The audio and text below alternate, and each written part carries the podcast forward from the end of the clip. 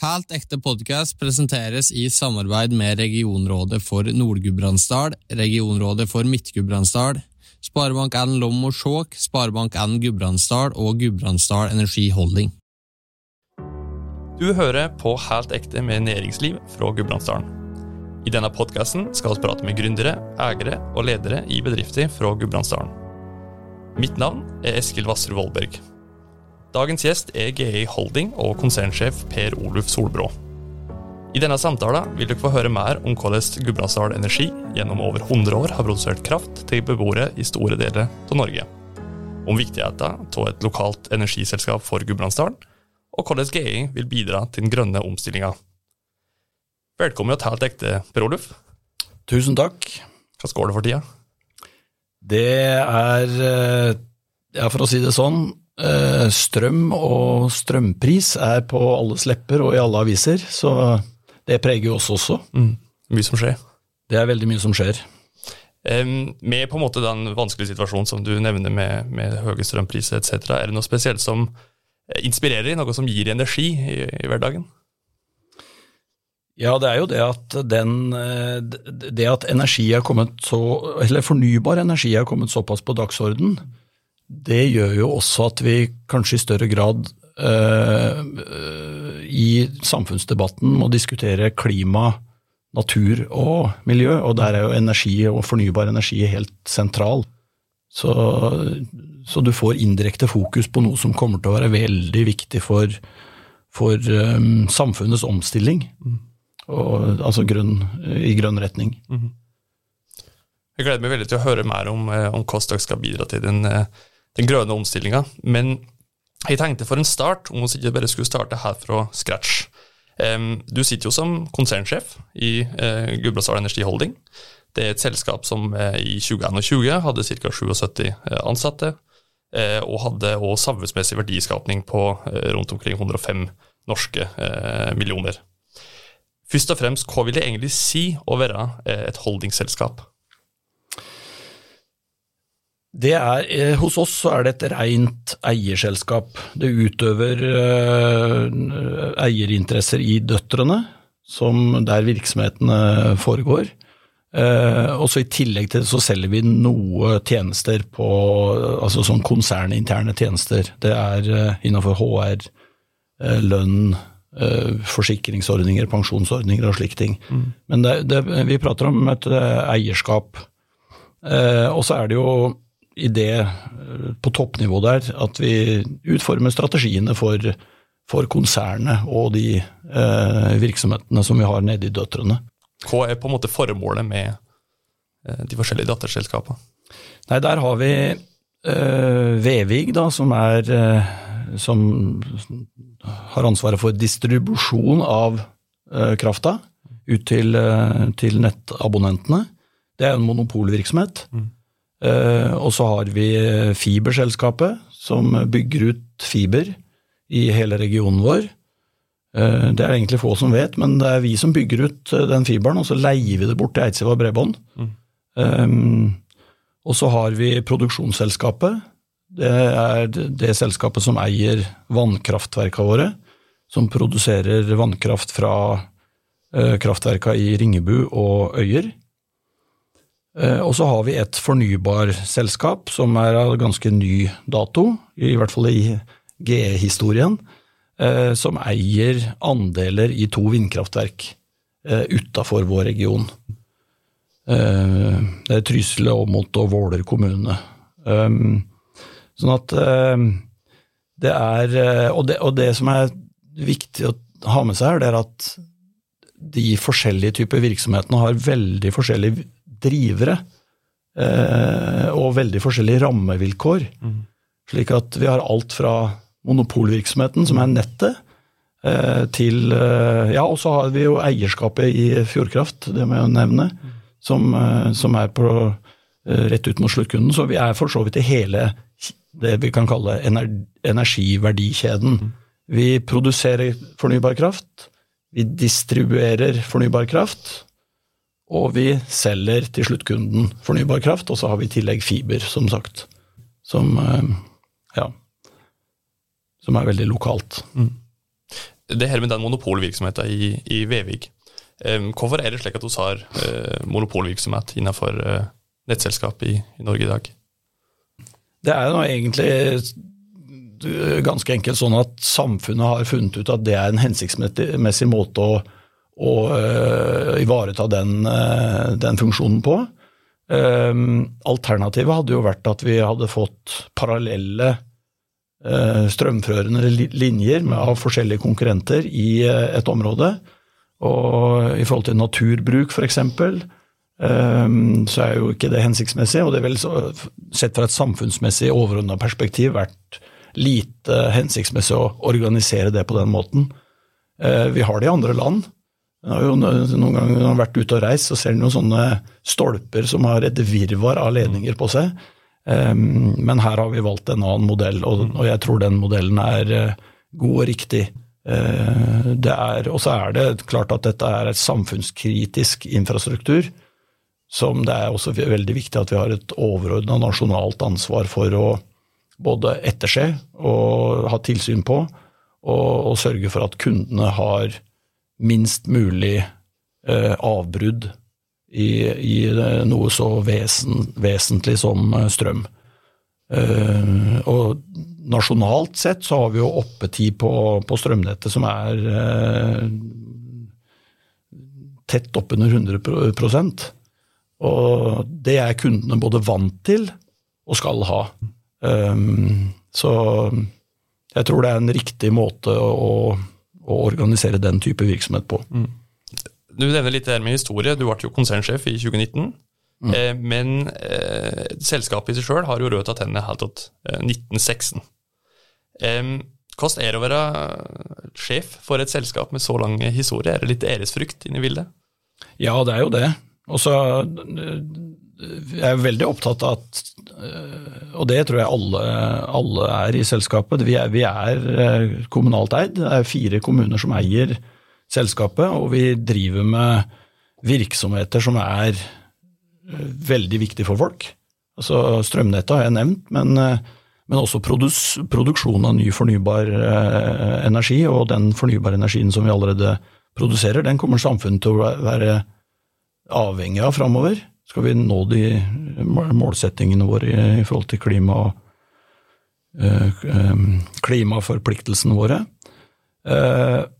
så gir jo det noe Det er en ekstra dimensjon rundt det, som jeg tenker over, i hvert fall. Det er noe annet enn hvis dette skulle vært rent privateid. Her, her, er tjenestene veldig viktig. Mm.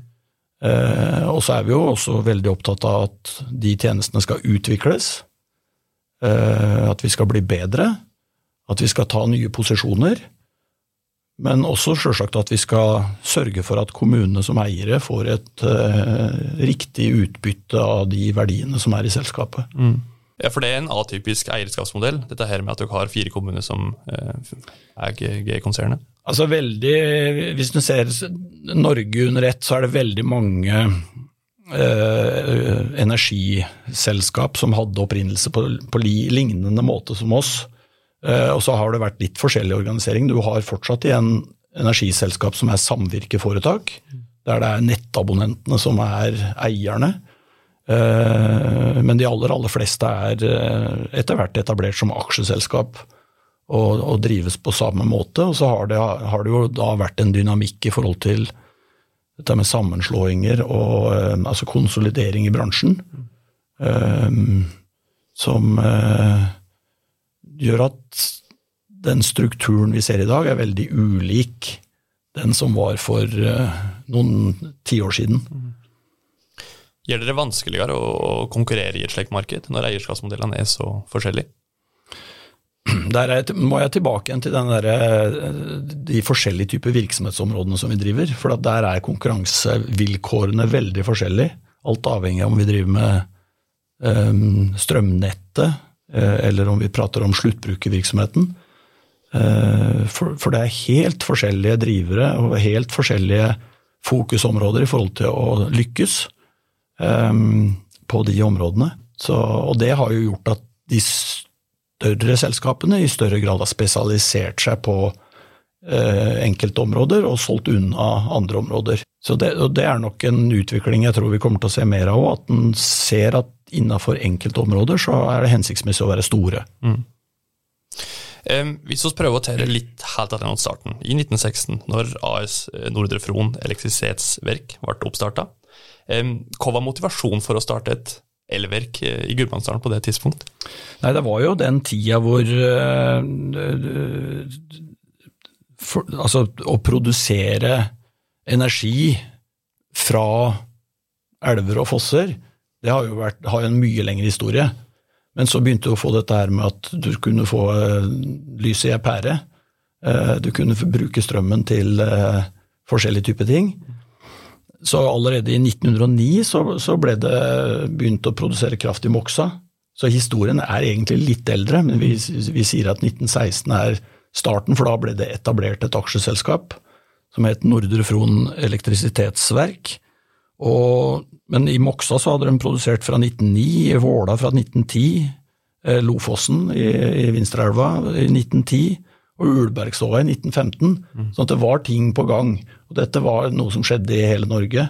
At du, det var særlig den store tungindustrien så at den trengte kraft, og så begynte den å bygge ut eh, fossene og produsere energi som en kunne bruke til kall det industrialiseringa av eh, Norge. Eh, og så begynte den å bygge stolper og distribuere denne strømmen også til sluttkundene, som var noe annet enn det det var, opprinnelig var. Det var kanskje møller, eller det var altså, mindre industrivirksomhet lokalt som trengte den krafta først. Og så begynte dette her nettet å bygges ut. Mm. Så, det, så, det, er liksom starten på historia. Det, og den tror jeg er veldig lik, med litt forskjellig årstall, men veldig lik rundt omkring i Norges land. Og så er det jo litt som du, som du nevner i, i forhold til det her med oppstarten av elverka. Det starter starta kanskje med Nordre Fron, men det kommer jo mm. til etter kort rundt ja. omkring i, i hele Gudbrandsdalen. Ja. Eh, og så skjer en del på 60-70-tallet, der eh, disse begynner å slås i hop. Mm. Og så kommer vi tettere på det vi i dag kjenner som gay eh, holding. Mm.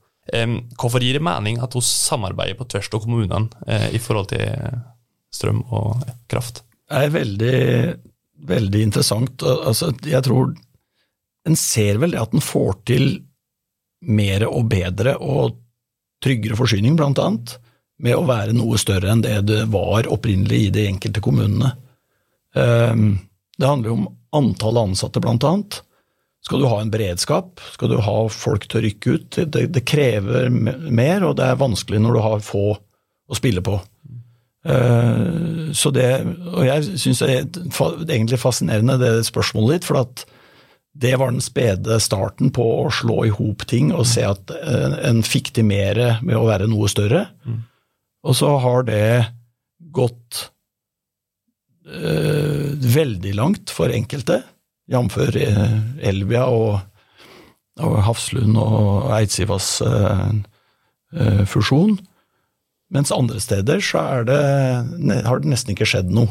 Det er jo enkeltkommuner i dag som fortsatt har energiverket sitt, og ikke har gjort noen ting. Så du har en struktur i Norge i dag som er veldig, veldig Fra de veldig, veldig små, med bare noen veldig få abonnenter, til Elvia, som snart vel har en million. Så jeg tror at tida for de aller minste, den er, eh, den er nok over. En må finne noen å enten samarbeide forpliktende med for å få til de effektene som jeg nevnte, eller så må en, eh, eh, selge Altså bli en del av en større struktur. Mm. Det har jo skjedd mye på det norske kraftmarkedet opp gjennom tidene. En av de tingene som står særlig ut, er liberaliseringa som vi så av kraftmarkedet på 90-tallet. Hva var det som skjedde der? Da fikk vi energiloven,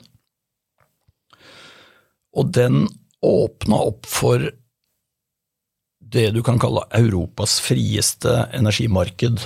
Um, og det var en Eivind Reiten fra Senterpartiet som sto bak det. Og poenget med det, og det er jo litt interessant å sette det inn i konteksten i dag, og diskus politiske diskusjoner i dag, Men poenget med det var jo at du og jeg som kunder, forbrukere, skulle få den konkurransemessig riktigste prisen. Altså at det var et marked som skulle sette prisen.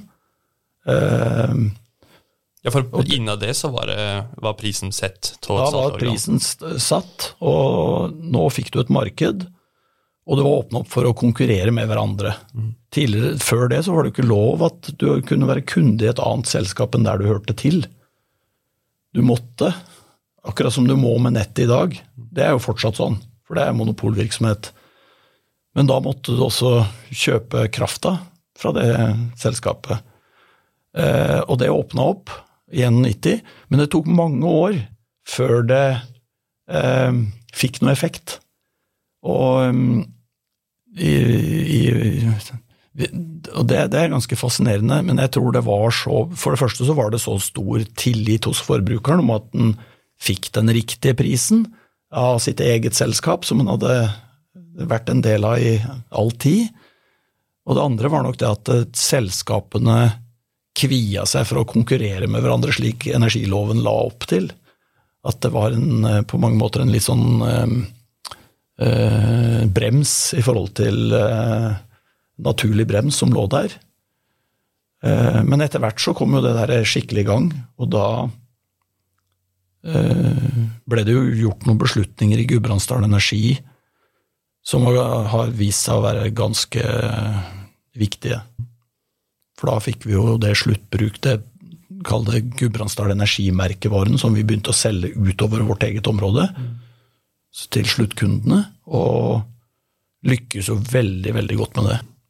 Og det var jo et sett av, av um, eh, hva skal vi si, si- si- situasjoner som gjorde at den lykkes, men det var jo først og fremst for at den valgte å satse på det, og han valgte å ta en eh, aggressiv eh, rolle, og han valgte å bruke markedsføre seg. For I starten, så var, ble, selv om det var åpnet opp for det, så ble det ble ikke markedsført. Kundene tenkte nok ikke over det, at her har du mulighet til å velge en annen leverandør enn det som er eh, energiselskapet i ditt område. Det var jo eh, en periode der, som du sier, eh, fra, fra liberaliseringa og fram til eh, vel egentlig 2016, eh, 2019, der eh, ting ble fråskjørt. Eh, der Gudbrandsdal Energi var jo på en måte landskjent for å ha veldig lave priser og veldig høy eh, kundetilfredshet. Eh, hvordan var det mulig at et mindre selskap eh, oppe i Gudbrandsdalen eh, kunne konkurrere imot de store aktørene på pris? Nei, altså jeg tror vel det at eh, veldig mange av de andre tok ikke mulighetene i energiloven på alvor. Så de ble sittende stille og prioriterte å forsyne sine egne kunder, altså når jeg sier egne kunder, altså innenfor konsesjonsområdet for nett, da, eh, prioriterte det, og så nok ikke på dette her som noe eh, virksomhet utover det. Det tror jeg var hovedgrunnen.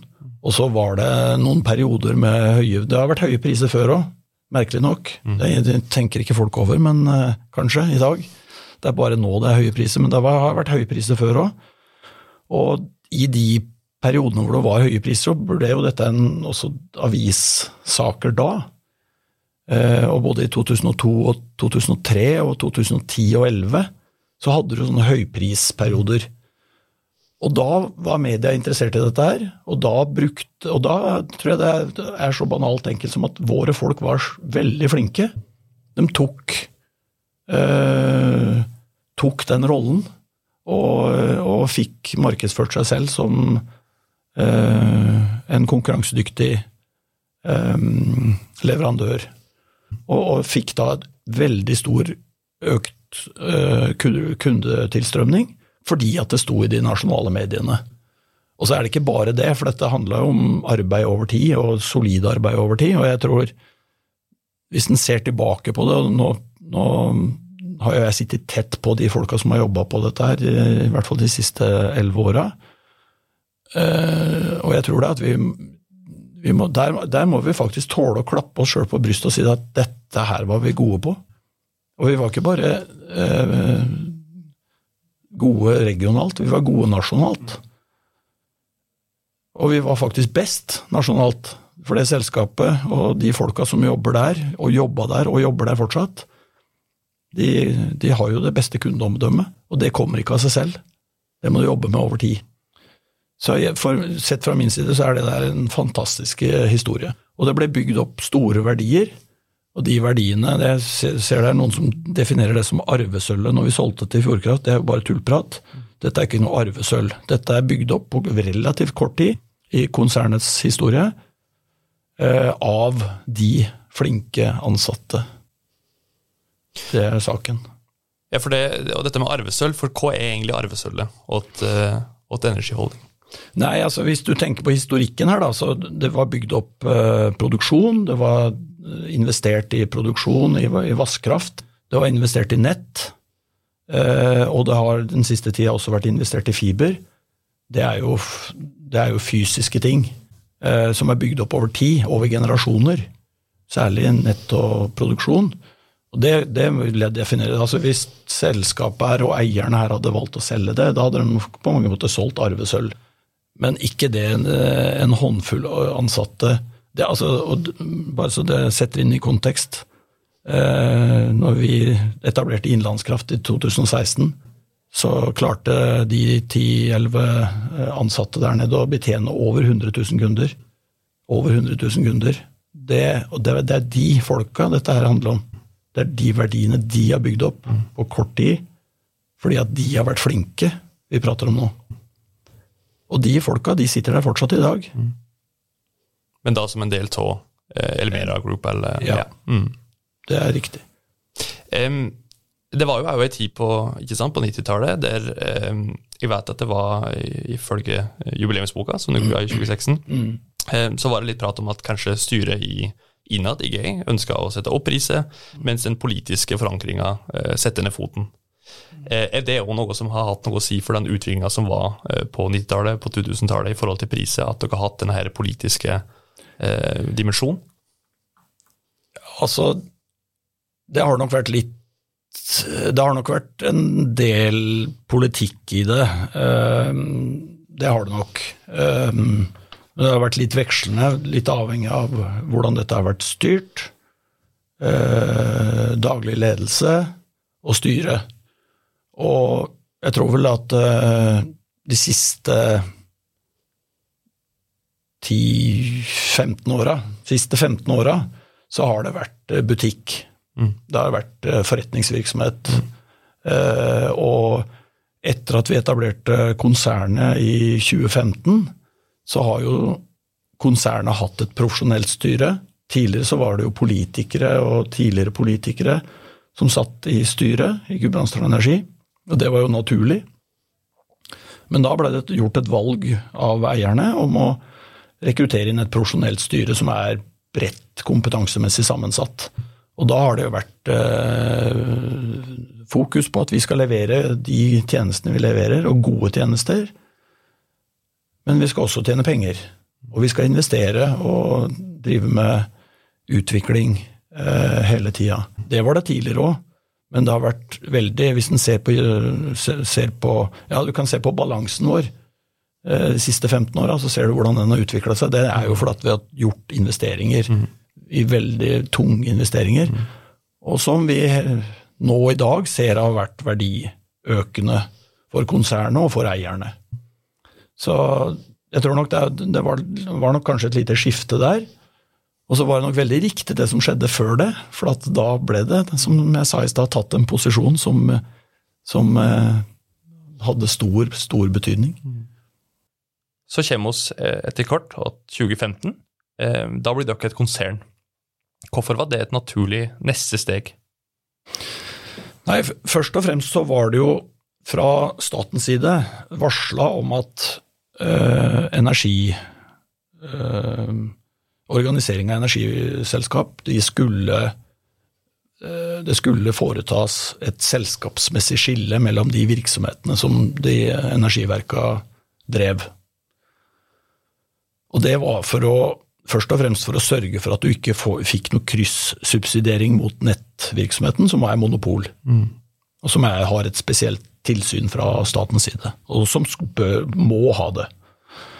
Um, men vi valgte, og der ble det satt en frist for når det selskapsmessige skillet skulle være uh, gjort, men vi valgte å etablere konsernet før det. Og det var rett og slett fordi at vi så, som jeg nevnte tidligere i intervjuet, virksomhetene våre er veldig forskjellige um, altså verd, Verdidriverne og rammevilkårene innenfor de forskjellige virksomhetsområdene er veldig forskjellige. Og hvis vi skulle klare å videreutvikle dem, så var det viktig å skille dem ut i egne selskap. Så det var, mot, det var hovedmotivasjonen for det. Da fikk vi et produksjonsselskap f.eks. som skulle drive med vannkraftproduksjon. Vi fikk et fornybarselskap som, som skulle investere i vind. Vi fikk et rent nettselskap som skulle drive med monopolvirksomhet. Og fiberen ble også skilt ut fra det selskapet for å gjøre det veldig clean i forhold til regelverket. Um, og vi fikk et sluttbrukerselskap som da ble GAS, som jeg prata om tidligere i dag, eh, som ikke hadde fått til den eh, reisa som de har hatt etterpå, mm. hvis ikke vi hadde etablert det som et eget aksjeselskap. Så det er rett og slett en måte å videreutvikle virksomhetsområdene våre på, mm. og gi det muligheter for å vokse, enten aleine eller sammen med andre. Mm. Og det var det som var litt motivasjonen når dere som sagt eh, starta Innlandskraft eh, et år senere. Ja, for det at det vi så, selv om Gudbrandsdal Energi på sluttbrukersida hadde stor suksess nasjonalt, så så vi det at den, den virksomheten der, det er, en, det, det er en ørsmå marginer som bestemmer om du lykkes eller ikke lykkes. Mm. Og så er det dette med kundetilfredshet og alt det andre. Men i økonomisk forstand så er det er det det. Og da handler det om volum. Du må ha mange kunder skal du være konkurransedyktig. Og vi så det at selv om Gudbrandsdalen Energi da hadde Når vi etablerte Innlandskraft, så var det vel ja det var i hvert fall over 100 000 kunder. Så så vi det at her må vi finne noen å eh, samarbeide med, eller slå oss sammen med. Og da ble Innlandskraft etablert sammen med Eidsiva. Og de gikk da inn med sine sluttbrukerkunder, som var en 125 000, tror jeg. Mm. Og vi med våre 100 000, og så brukte vi noe kontant, eller kjøpte oss inn sånn at vi ble 50-50 eier sammen med Eidsiva. Og hele poenget med det var at vi tenkte at vi skulle være mer konkurransedyktige med dobbelt så mange kunder mm. enn det vi hadde vært før. Mm. Og så får du sjølsagt også en dynamikk i forhold til at du skal smelte sammen to kulturer. og og eh, ja, driven blir litt annerledes. Så jeg merka det veldig på våre ansatte, at, at, da fikk du en sånn boost igjen, som gjorde at dette, dette er spennende. Og så så vi etter hvert det at det også blir snaut. Da var jo Innlandskraft eh, Norges tredje største sluttbrukerselskap. Mm. Men det var veldig veldig lang vei opp til den nest største og den største mm. i forhold til antall kunder. Så det å konkurrere med det Og så hadde vi jo sjølsagt eh, Tenkte vi også veldig mye på det. Hva hvis eh, ja, Google begynner å selge strøm, eller Facebook, eller noen av disse store gigantene? Det, er jo også, det, var jo også scenarioet vi så for oss kunne komme inn. Eller at du hadde fått en en ny aktør som kom inn med helt, et helt annet verdigrunnlag. Mm. Et helt annet Eh, en helt annen, noe som ville gitt en helt annen verdi for sluttkunden.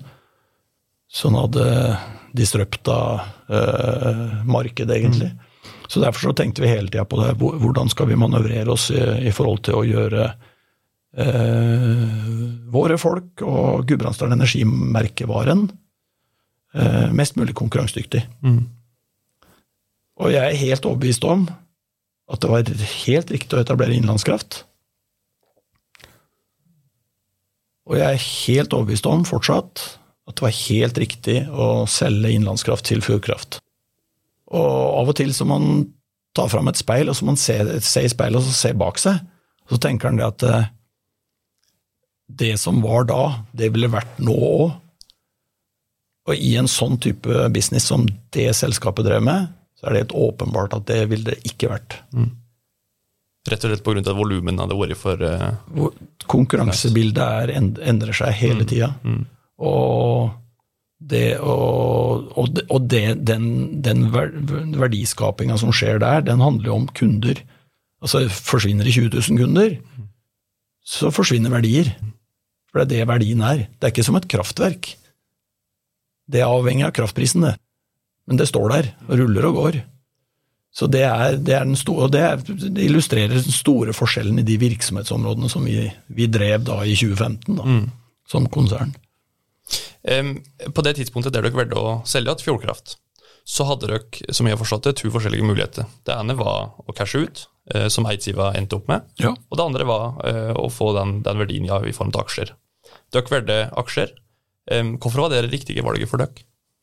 Fordi at vi var forts, vår, vår, eh, vårt motiv var at vi fortsatt skulle være i hele verdikjeden, og vi var veldig interessert i at de eh, som i 2016 var 10-11 arbeidsplasser, som nå var 20 arbeidsplasser, skulle videreutvikles på, i regionen. Det er viktig for oss. Det er eh, kompetansearbeidsplasser, og, og det er mange arbeidsplasser. Eh, Også i regional målestokk så er det det her. Så det å videreutvikle det var vi veldig opptatt av. Mens Eidsiva de ønsker å trekke seg ut av sluttbrukervirksomheten. Så vi hadde for så vidt forskjellig plattform. Så når, de, de, eh, når vi fikk på plass den avtalen med Fjordkraft om at de kjøpte, så var det en klausul i den avtalen fra vår side om at Fjordkraft skulle fortsatt satse på Gudbrandsdal Energimerkevaren her, altså forretningsadresse her, og videreutvikle det brandet i nasjonal, nasjonalt. Så, så de ansatte som var i Innlandskraft på det tidspunkt, på Vinstra, de sitter fortsatt på Vinstra? Ja, Ja.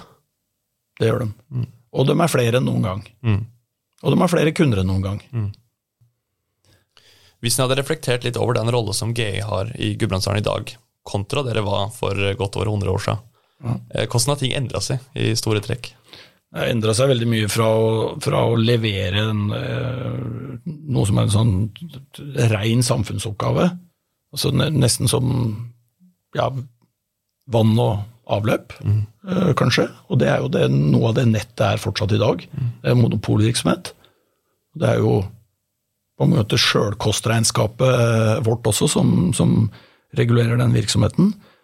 Eh, Men til å være noe helt annet. Vi har virksomheter som er rein forretning, og ikke bare et samfunnsoppdrag.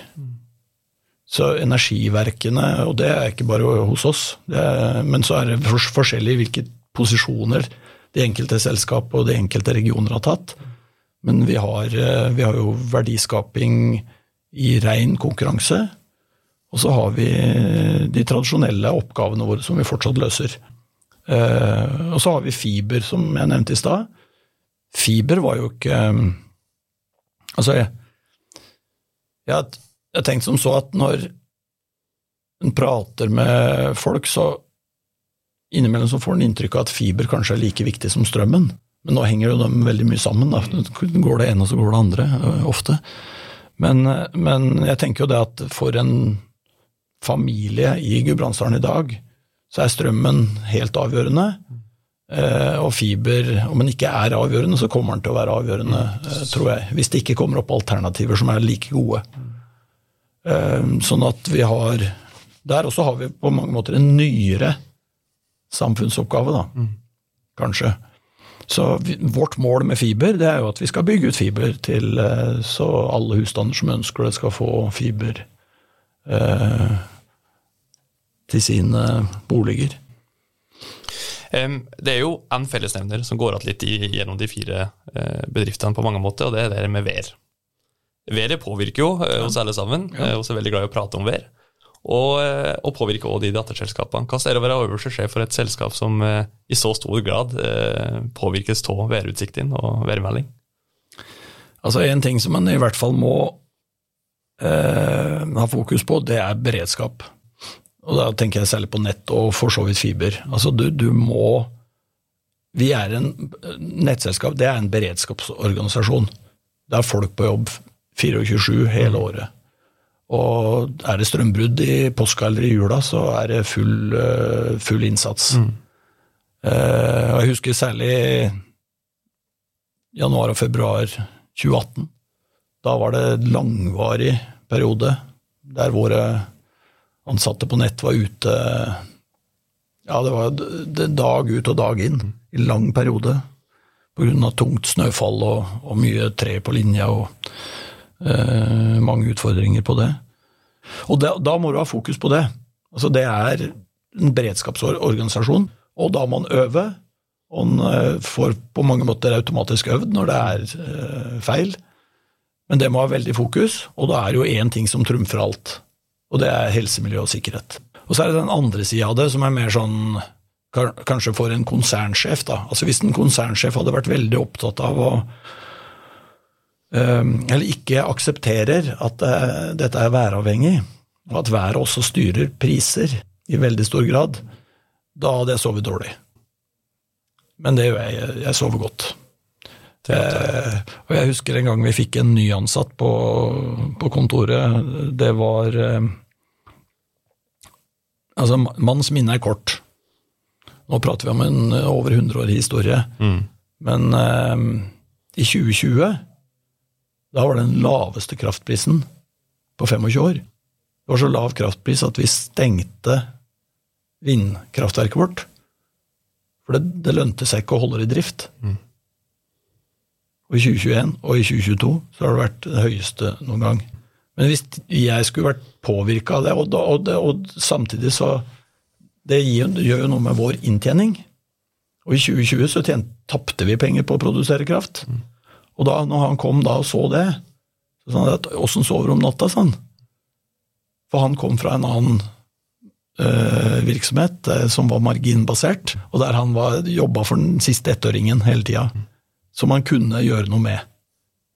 Men der, der er det så enkelt som at kraftprisen kan ikke jeg gjøre noe med, og været kan ikke jeg gjøre noe med. Så da må jeg fokus på kostnadssida, og ikke inntektssida. Og så kan vi selvsagt sikre og så, så, gjøre sånne type ting, men, men det blir liksom en annen øvelse. øvelse. Så det å gå fra minus på bunnlinja i produksjonsselskapet vårt til rekord i 2021, som kommer til å bli slått i 2022, det er sånn man må leve med. Og så var det ikke bra at det var så lav kraftpris i 2020. Og det er definitivt ikke bra at det er så bra eh, høy kraftpris nå.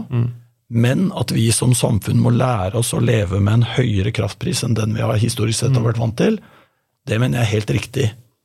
Det gjør noe med oss. Det gjør noe med at vi tenker energiøkonomisering. Altså, vi, som samfunn har sløst med en eh, fantastisk ressurs, en fornybar, den fornybare krafta vår. Vi har sløst med den, og det må vi slutte med. Vi må energiøkonomisere, hver og en av oss. Vi må tenke alternativer. Og vi må produsere mer. For både du og jeg skal bli kvitt den fossile, det fossile avtrykket vårt, for det har vi. Eh, I snitt hver borger har ganske høyt fossilt avtrykk fortsatt. Det skal vi fjerne oss vekk fra. Så det er eh, Og da må vi tåle en høyere pris. Høyere pris, det gjør at de effektene med at vi sjøl begynner å tenke gjennom forbruket vårt, dukker opp. Det var jo i avisa nå når eh, Det har jo vært veldig mye i avisa om det, men det var jo folk som gikk ut og sa at ja, men jeg strømmen må jeg jo ha. Jeg må jo bruke den strømmen jeg bruker i dag. Og det viser seg jo nå å være feil. For vi ser jo det innenfor vårt eget område, at kundene har strupa igjen og bruker mindre. Og så kan det godt hende at noen bruker så lite at det ikke er helse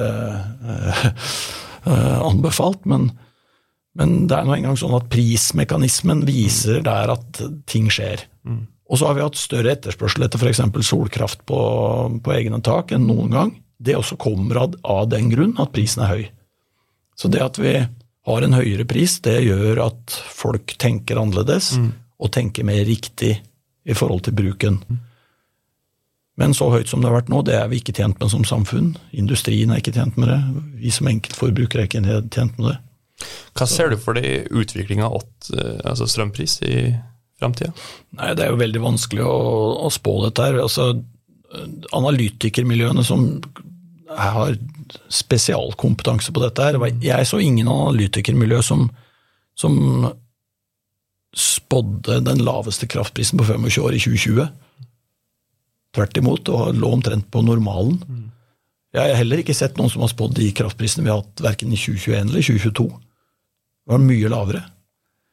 Så dette er vanskelig. Og det er jo klart at det blir ekstra komplekst når en krig i Europa påvirker gassprisene, og vi har den marginalprisingsmekanismen på, på den vara som vi prater om nå. På, så får du eh, Du får uten, utenforstående ting, hendelser som skjer, som slår veldig kraftig ut eh, på prisinga av den varen.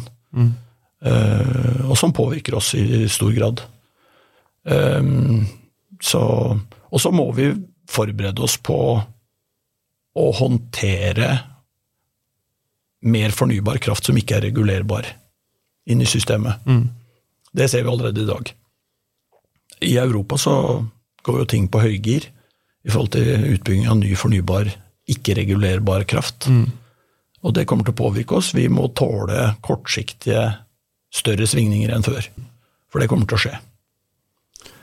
Så prate litt om eh, det fornybare samfunnet. Eh, kunne du prøvd å forklare eh, i enkle trekk hvordan GI overordna sett jobber med bærekraft og, og den grønne omstillinga? Ja, dette var nok et tema som i større grad dukka opp i ledergruppa i uh, Gudbrandsdalen Energi i 2017, slutten av 2017. Og så utover i 2018 så fant vi ut det at uh, vi må Selv om vi driver med fornybar kraft, så må vi se på hva er kostnadene, hva, hva er, hvor er avtrykket vårt på kjøring, mm. på tjenestereiser, på det vi bruker som innsatsfaktorer. Vi kan ikke bare lene oss på det at vi, det vi produserer, er, er, det samfunnet trenger um, i forhold til bærekraft. Så da uh, lagde vi det første klimaregnskapet vårt. Og da så vi veldig tydelig, selv om vi hadde jo en formening om hva det kom til å være, men vi så veldig tydelig hvor avtrykket vårt er. Og det er vår egen kjøring i jobb. Altså det er folk, særlig i nettselskapet og i fiberselskapet, så er det folk ute på veien hver eneste dag. Det kjøres mye kilometer. Og det er nødvendig, skal vi klare å gjøre oppgaven vår. Men vi ser veldig tydelig at den, med de drivlinjene som er på de kjøretøyene som er brukes i dag, så er det der vi har det største avtrykket. Mm. Og så har vi noen brytere med såkalt SF6-gass, som er eh, en eh, Kall det klimaversting. Eh, I forhold til å omregne til, til CO2-ekvivalenter. Så det er de to store avtrykka vi har. Og det, det er Altså, ja, jeg sier litt annet først. Eh, når vi hadde lagd det klimaregnskapet, altså vi så hvor vi var, så satte vi oss også noen mål. Og våre mål det er rett og slett det at vi skal følge de klimaforpliktelsene som Norge som stat har forplikta seg til. Det blir altså 55% i forhold til 91-utslippet i 2030. Det skal vi nå. Så vi har en graf som vi følger år for år Sånn at vi gjør vårt for å redusere våre avtrykk.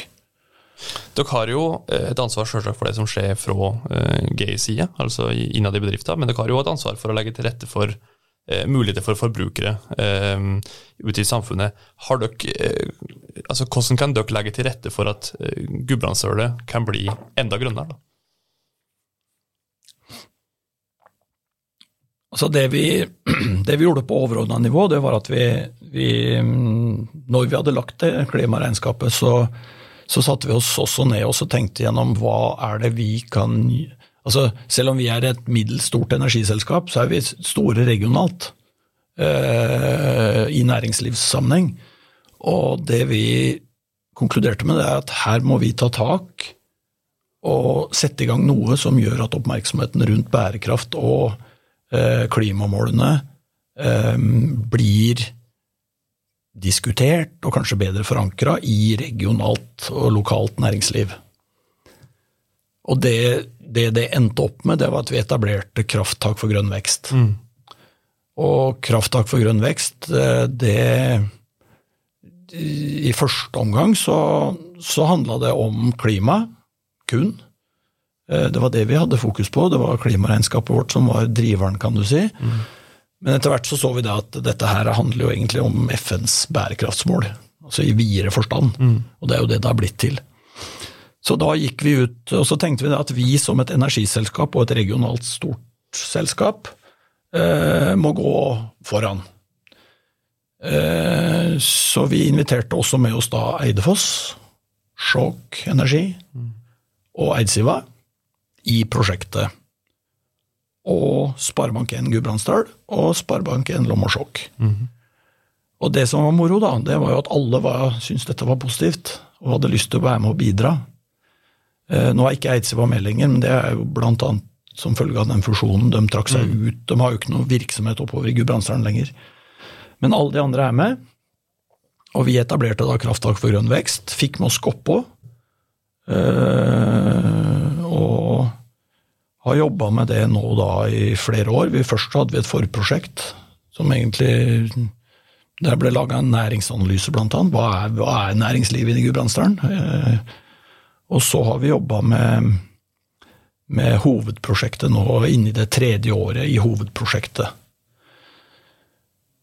Og jeg syns at vi har lykkes veldig godt i å få både krafttak for grønn vekst, men også dette med hvilke forpliktelser er det vi har, eh, hva er det vi må gjøre, eh, og få det synliggjort ute eh, blant øvrig næringsliv, og for så vidt eh, også hos kommunene. Kanskje det artigste, syns jeg, det var at vi fikk med oss alle tolv kommunene i, som regionen dekker, da, eh, til å være med å finansiere prosjektet. Og de jobber jo også nå med, med dette her i en videre forstand, med, gjennom eh, at de har eh, forplikta seg gjennom Gudbrandsdalstinget eh, til å jobbe med klima eh, og utvikling regionalt på et mer overordna nivå. da. Så skal jo det gjennom i de enkelte kommunestyrer, så det er en vei å gå der. Men, men jeg, jeg syns det det var veldig interessant og, og veldig gledelig, da, kan bruke sånne begrep, å å få med at alle kommunene var med. Det syns jeg var stort. For jeg er helt overbevist om at, uh, apropos det med størrelse, vi, skal, vi, skal vi høres, så er det nå engang sånn at det er kjøttvekta som teller. Og, og samarbeid og prate med én stemme, det er uh, alltid lurt å prøve å få til, i hvert fall. Så det klarte vi der.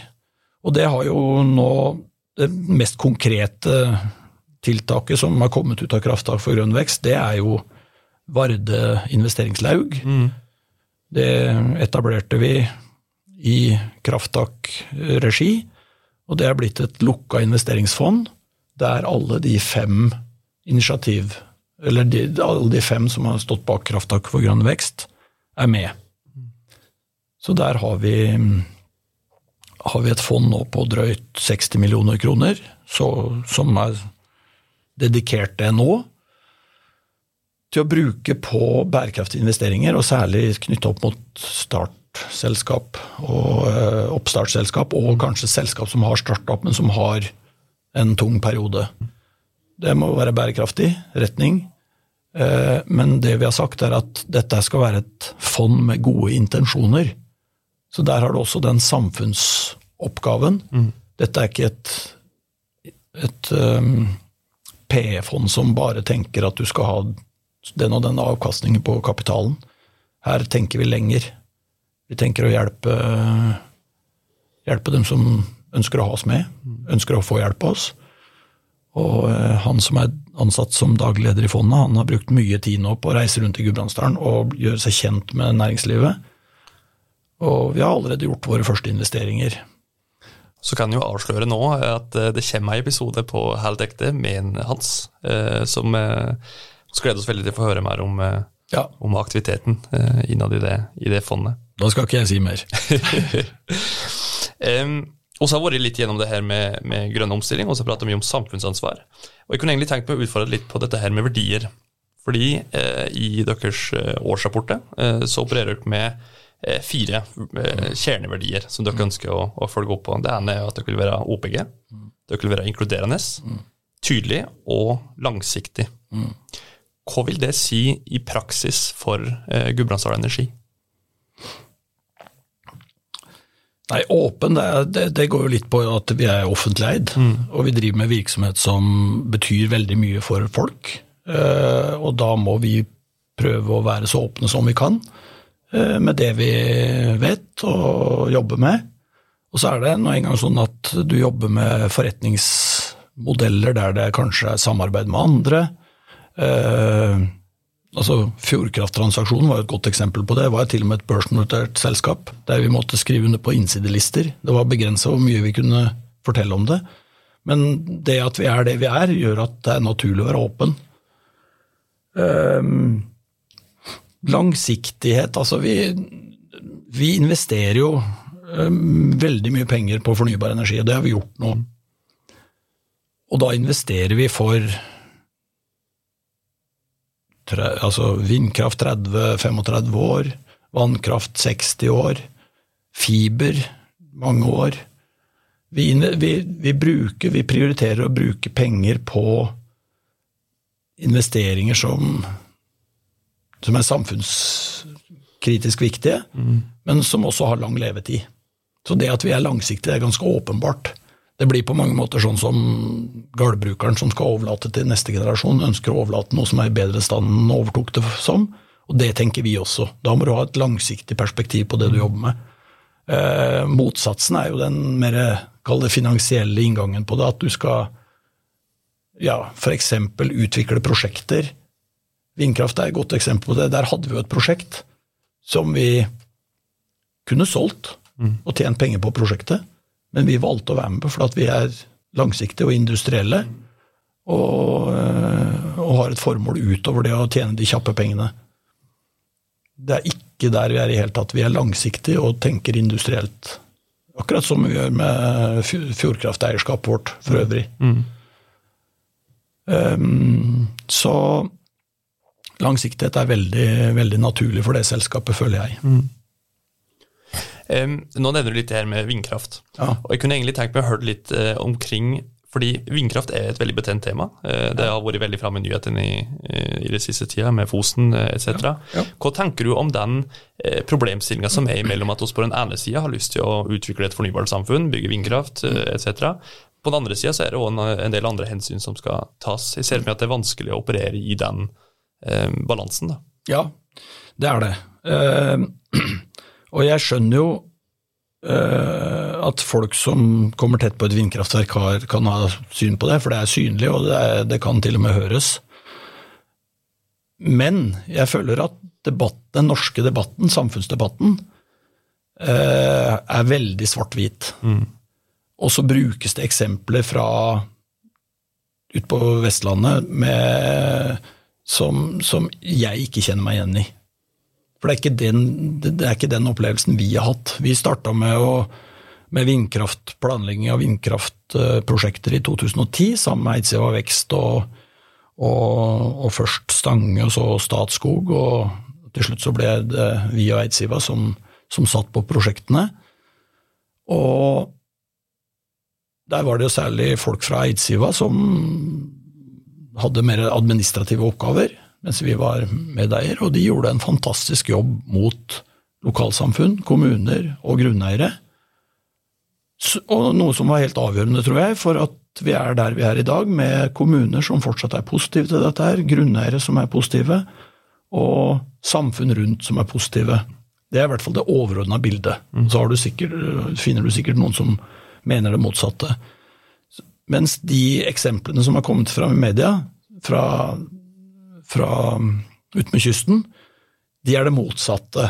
Det virker som det er det motsatte, den motsatte historien de har å fortelle.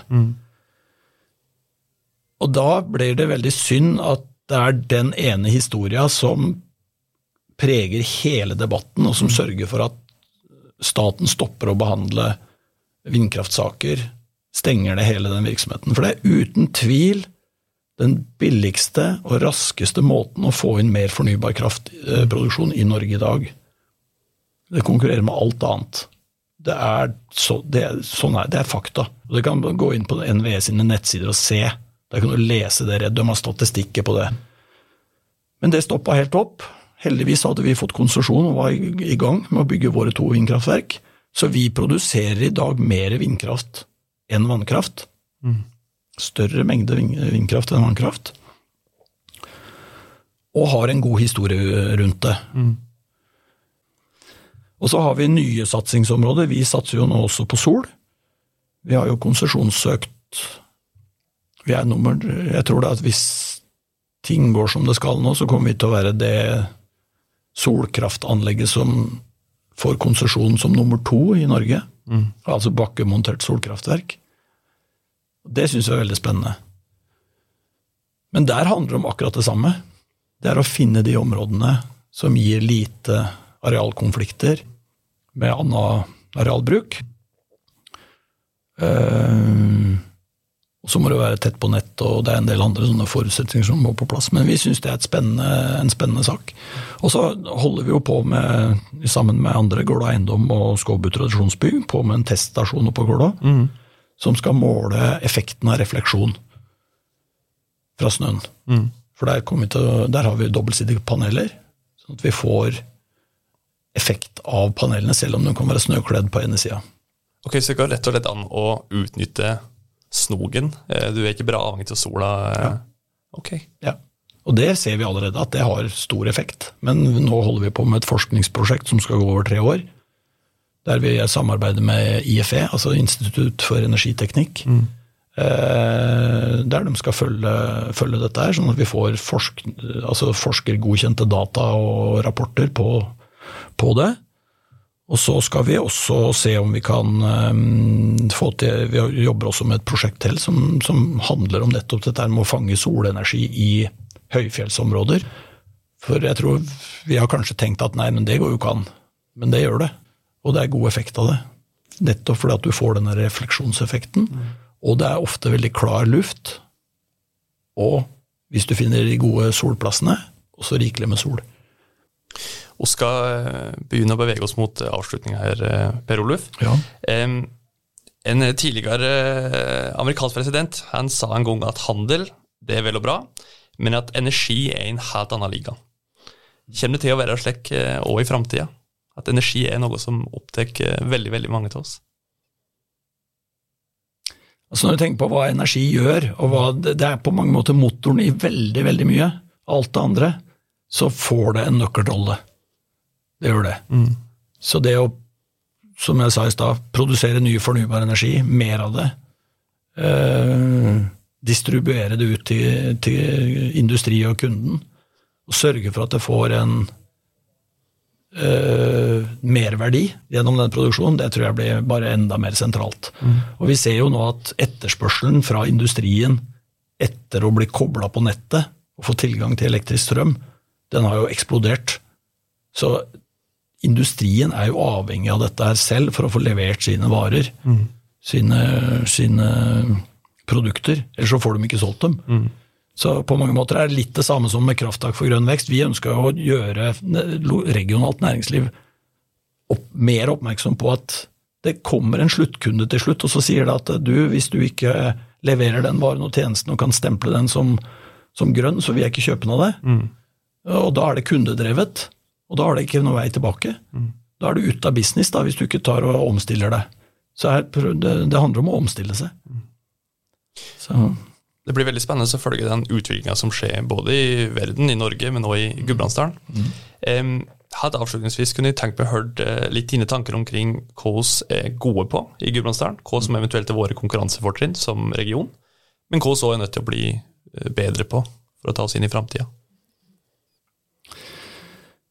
Nei, altså vi Vi har jo um, Så jeg så på det her, eh, her om dagen. Vi, vi, har Vinstra videregående skole i vår, eh, i vår region, da. Men i Gudbrandsdalen så har du noen videregående skoler.